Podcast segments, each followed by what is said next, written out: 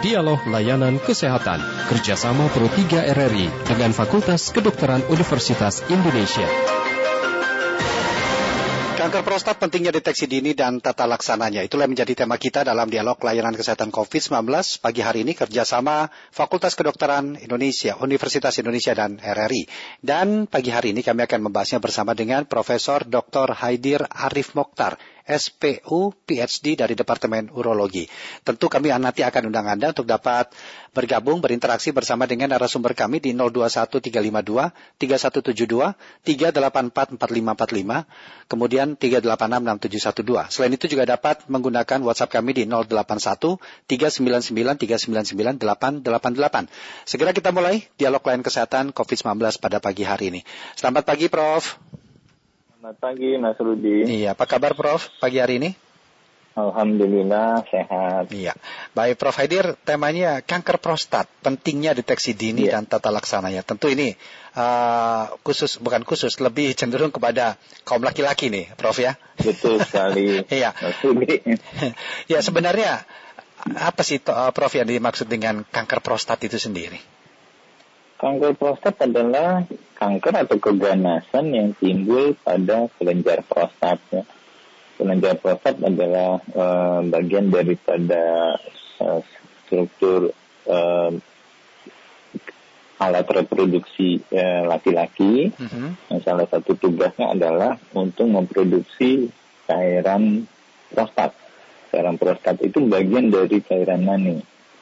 Dan kemudian cairan ini memberikan energi eh, pada sperma dan juga untuk fungsinya mengurangi keasaman pada saluran vagina. Hmm. Dan jadi di kelenjar prostat itu, sebagaimana juga di bagian organ-organ, di banyak organ tubuh eh, manusia lainnya bisa terjadi kanker. Ya. Ya. Benar nggak ini Prof bahwa kanker prostat itu salah satu penyakit yang uh, terbanyak, yang paling tinggi lah katakanlah di dunia. Ya, Hmm. Nah, kalau di dunia, nah, kalau kita lihat ada data estimasi ya yang Ya. ada sih, eh, em, yang dibuat oleh suatu badan di bawah WHO, eh, yaitu Globocam. Nah itu eh, prostat, ada, kanker prostat merupakan kasus kedua terbanyak Mhm. untuk kanker padat pada laki-laki. Oh. Jadi cukup banyak. Ya. Eh, kalau di Indonesia eh, insidensi atau jumlah kasus baru per tahun dari kanker prostat menduduki urutan ke-11 Urutan dari seluruh ke-11. kanker ya, Ya, ya, baik pada laki maupun pada perempuan. ya.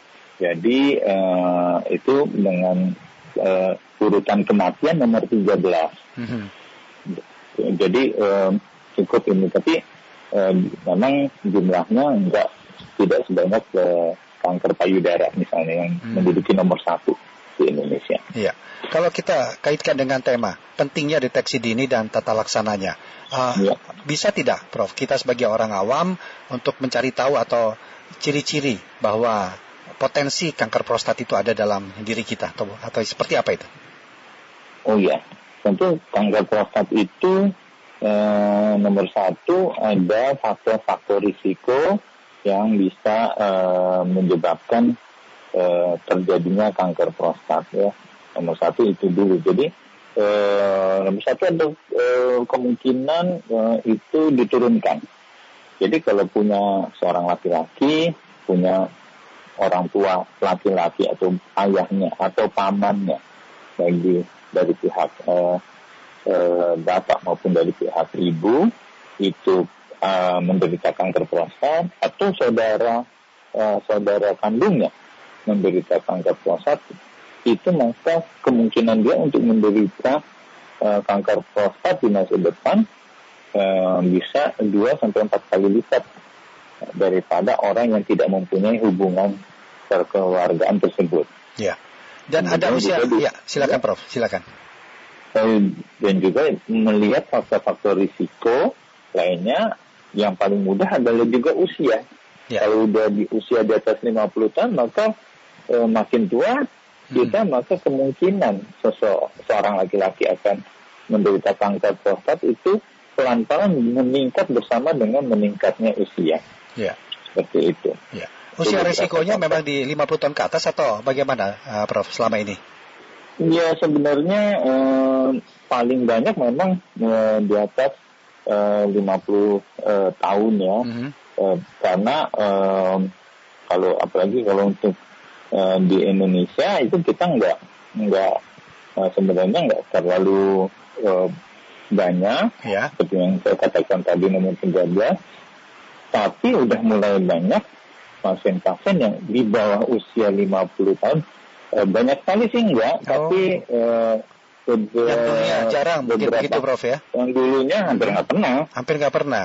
Katakanlah satu orang dalam sekian tahun gitu. Yeah, yeah. Sekarang dalam satu tahun kita mungkin bisa mendapatkan itu uh, beberapa kasus mm-hmm. sudah mulai timbul. Yeah. Dan kalau antara 50 sampai 60 tahun yang dulu juga nggak sering-sering amat juga udah yeah. makin sering kita dapatkan Mungkin karena pendeteksian, pemeriksaan hmm. medical check up, memeriksa prostat karena uh, dengan berbagai alasan ya khawatir dan uh, sekedar medical check up aja ya. itu sering kali kita melihatkan eh ini kok PSA naik ya ada ada ada pemeriksaan lab yang menunjukkan kemungkinan itu hmm. kemudian setelah dilakukan pemeriksaan lebih lanjut eh terdeteksi dia ada kanker prostat. Ya. Tanda-tanda gampang yang bisa dikenali apa saja nih Prof. Hadir? Nah, paling gampang sebenarnya kalau subjektif pada pasiennya, uh, kalau stadium awal sering kali nggak ada keluhan. Mm-hmm. Uh, kalau sudah ada keluhan, biasanya keluhannya keluhan gangguan berkemih. Mm-hmm. Jadi gangguan berkemih persis seperti pembesaran prostat jinak. Mm. Jadi di mana prostatnya itu mungkin mulai sedikit demi sedikit menutup uh, aliran uh, kencingnya sehingga tunggulah tanda-tanda seperti uh, apa namanya ya. um, susah berkemih atau harus ngede atau berkemihnya terpotong-potong mm-hmm. mau mulai berkemih itu harus nunggu sebentar misalnya di uh, di toilet gitu dia udah mau kencing tapi kemudian uh, mau keluar kencingnya pertama kali harus nunggu sebentar gitu yeah, yeah. Stadium, sering ya, kondisi gitu. seperti itu apakah sudah bisa dikatakan masih awal atau sudah lanjutan itu dok? Uh, Prof? Uh, tentu, uh, tentu kita nggak bisa mengatakan itu pada saat uh, kita mendengar gejala-gejala tersebut ya. Yeah. Uh, untuk menentukan dia stadium awal atau lanjut itu tentu perlu pemeriksaan-pemeriksaan lebih lanjut. Hmm. Berarti apakah memang uh, masyarakat yang memeriksakan diri ke dokter itu ternyata sudah sudah dalam tahapan yang bisa dikatakan stadiumnya cukup berat begitu? Oh tidak juga, hmm. banyak juga kok yang kalau dia baru uh, kencingnya apa namanya uh, terganggu sedikit mungkin tidak terlalu uh, apa berat tapi memang stadium kita nggak bisa nggak bisa katakan hanya dari gejala saja. Hmm uh, gejala yang lebih berat misalnya yang ada hubungannya dengan penyebaran kanker prostat. Yeah. Misalnya ada nyeri tulang karena kanker prostat itu penyebaran pertama yang utama uh, adalah ke tulang, terutama tulang belakang dan tulang panggul. Hmm. Rasa Jadi, sakit begitu ada, ya? Mm, iya, hmm. nyeri-nyeri tulang.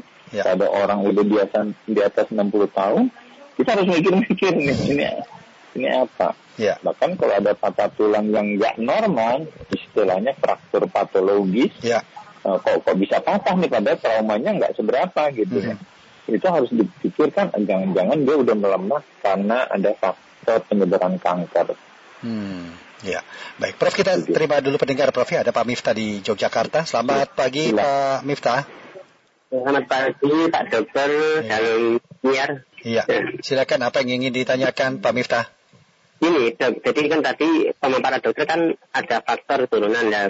Kebetulan saya itu kan ada orang tua yang ada ada ada menderita itu, kemudian operasi, kemudian eh, cara cara agar tidak eh, terkena pesat itu gimana? Apa menghindari makan minuman apa tertentu atau mungkin olahraga atau apa itu yang pertama. Ya. Yang kedua gini dok, jadi kemarin itu saya kan ketika kencing itu kan ketika buang air itu kan sakit, kemudian eh, minum obat herbal dari apotek kok pasti ada alergi, tapi malah timbul ada demamnya. Kemudian saya bawa ke klinik, tapi karena ada ada demamnya, kemudian nggak nggak berani diperiksa gitu loh.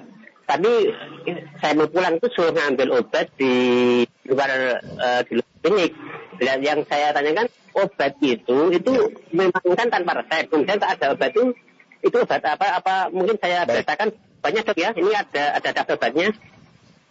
Bisa dikatakan ya. ada sultri sultrimik DS yang pertama. Yang kedua eh, Paridexon. Nah itu apa itu memang obat Baik. untuk IPK atau apa? Mohon ya. pencerahan Terima kasih. Terima kasih Pak Miftah di Yogyakarta. Silakan Provider. Ya baik Pak Miftah. Jadi kalau untuk um, kalau Pak Miftah memang ada hubungan keluarga mhm. derajat hmm. satu istilahnya ya first degree uh, relative yang menderita kanker prostat, maka uh, Pamita mempunyai risiko terkena kanker prostat lebih uh, tinggi daripada bisa lebih tinggi itu bisa dua sampai empat kali lipat katakanlah daripada temennya yang orang tuanya enggak atau saudaranya atau orang tuanya enggak ada kanker prostat. Jadi uh, yang dianjurkan ini kita mungkin nggak bisa menghindari kemungkinan terjadinya ya, tapi kita bisa memperbaiki gaya hidup kita dengan mengurangi uh, uh, apa namanya asupan lemak hewani misalnya yeah. itu salah satunya. Yang kedua yang lebih penting sebenarnya uh, karena faktor risiko itu sifatnya lebih secara genetik dan sering kali kita sulit kita belum bisa mengalter atau mengganti mengganggu gen seseorang untuk merubah faktor risiko itu. Mm -hmm. Kita bisa lebih aware. Jadi mulai istilahnya kalau sekarang itu dianjurkan umur 50 baru melakukan up, mm-hmm. kalau yang ada faktor risiko keturunan umur 40 sudah harus baiknya dilakukan itu ya. Hmm, iya, iya, sehingga uh, yang penting adalah menemukan kanker ini pada stadium dini. Ya. Itu maksudnya. Intinya ke sana deteksinya itu ya, deteksi dini Betul. itu. Baik. Prof, hmm. kita kembali ke pendengar ada Pak Udin di Boyolali. Selamat pagi Pak Udin. Selamat pagi, Assalamualaikum warahmatullahi wabarakatuh. Waalaikumsalam warahmatullahi wabarakatuh. Silakan dengan Prof. Haidir. Pak Rudi, Bapak Profesor. Uh, kan kanker ada kanker otak, kanker paru-paru, gitu, kanker prostat dan lain-lain gitu. Nah sebenarnya kanker tuh definisi kanker kalau emang dioperasi dan dikeluarkan emang emang bentuknya emang kayak gitu atau emang emang uh, namanya kanker itu yang bikin beda-beda nama itu adalah tempatnya. Jadi tempatnya yeah. kanker prostatnya di sini, jadi otaknya di sini, jadi hmm. Nah, hmm. kalau itu yang di situ, jadi demikian terima kasih. Terima kasih. Waalaikumsalam warahmatullahi wabarakatuh. Waalaikumsalam warahmatullahi wabarakatuh. Bagaimana, Prof? Ini maksudnya kanker itu apakah kanker itu sama semuanya atau memang kanker oh, itu disebutnya iya, kanker iya. paru karena kanker itu ada di paru-paru kanker prostat itu ada di sana di, oh, di iya. otak nah, tapi bentuknya semua sama apakah seperti itu Prof? Uh, jadi uh, terima kasih Pak uh, Pak Udin ya. hmm. Pak Udin hmm. uh, pertanyaannya bagus sekali kanker kanker itu beda-beda Pak memang e, sering kali tergantung dia ada di mana. Misalnya kalau di prostat itu namanya adenokarsinoma. Kalau di dalam kandung kemih e, jenis kankernya itu beda lagi namanya transitional cell carcinoma. Ya. Kalau di paru itu e, kanker sel kecil, small cell e, carcinoma. Jadi e, macam-macam e, tipe histopatologi daripada kanker tersebut. Nah ini memang uh, sering kali lokasi juga menentukan uh, jenis uh, histopatologi daripada uh, kanker tersebut mm-hmm. karena walaupun di dalam satu tempat itu mungkin terjadi beberapa tipe yang berbeda, yeah. tapi ada tipe-tipe yang istilahnya dominan gitu, yang memang paling banyak umum terjadi untuk di uh, uh, organ tersebut. Kalau di prostat umumnya adalah adenokarsinoma. Hmm. Meskipun kita bisa temukan juga kadang-kadang tipe-tipe yang lain. Baik, baik, Prof. Haidir, uh, bagaimana untuk ya. untuk bisa meningkatkan kesadaran masyarakat uh, lebih peduli lagi terhadap penyakit ini sekaligus uh, melakukan atau pemahaman deteksi dini jika hal itu dirasakan ada yang mencurigakan dalam tubuh kita, bagaimana, Prof? Ya, terima kasih. Jadi mungkin e, meningkatkan awareness dari masyarakat. Nomor satu adalah karena Indonesia itu penduduknya mulai berkembang ke arah e, pertumbuhan lansia yang cukup cepat ya kalau kita melihat dari data statistik kependudukan itu uh, selain Cina, Indonesia juga uh, pertumbuhan lansia, lansianya termasuk yang salah satu yang paling cepat di dunia. Dan uh, dengan uh, peningkatan pertumbuhan lansia yang cepat itu, maka jumlah orang, karena tadi kan saya bilang, yeah.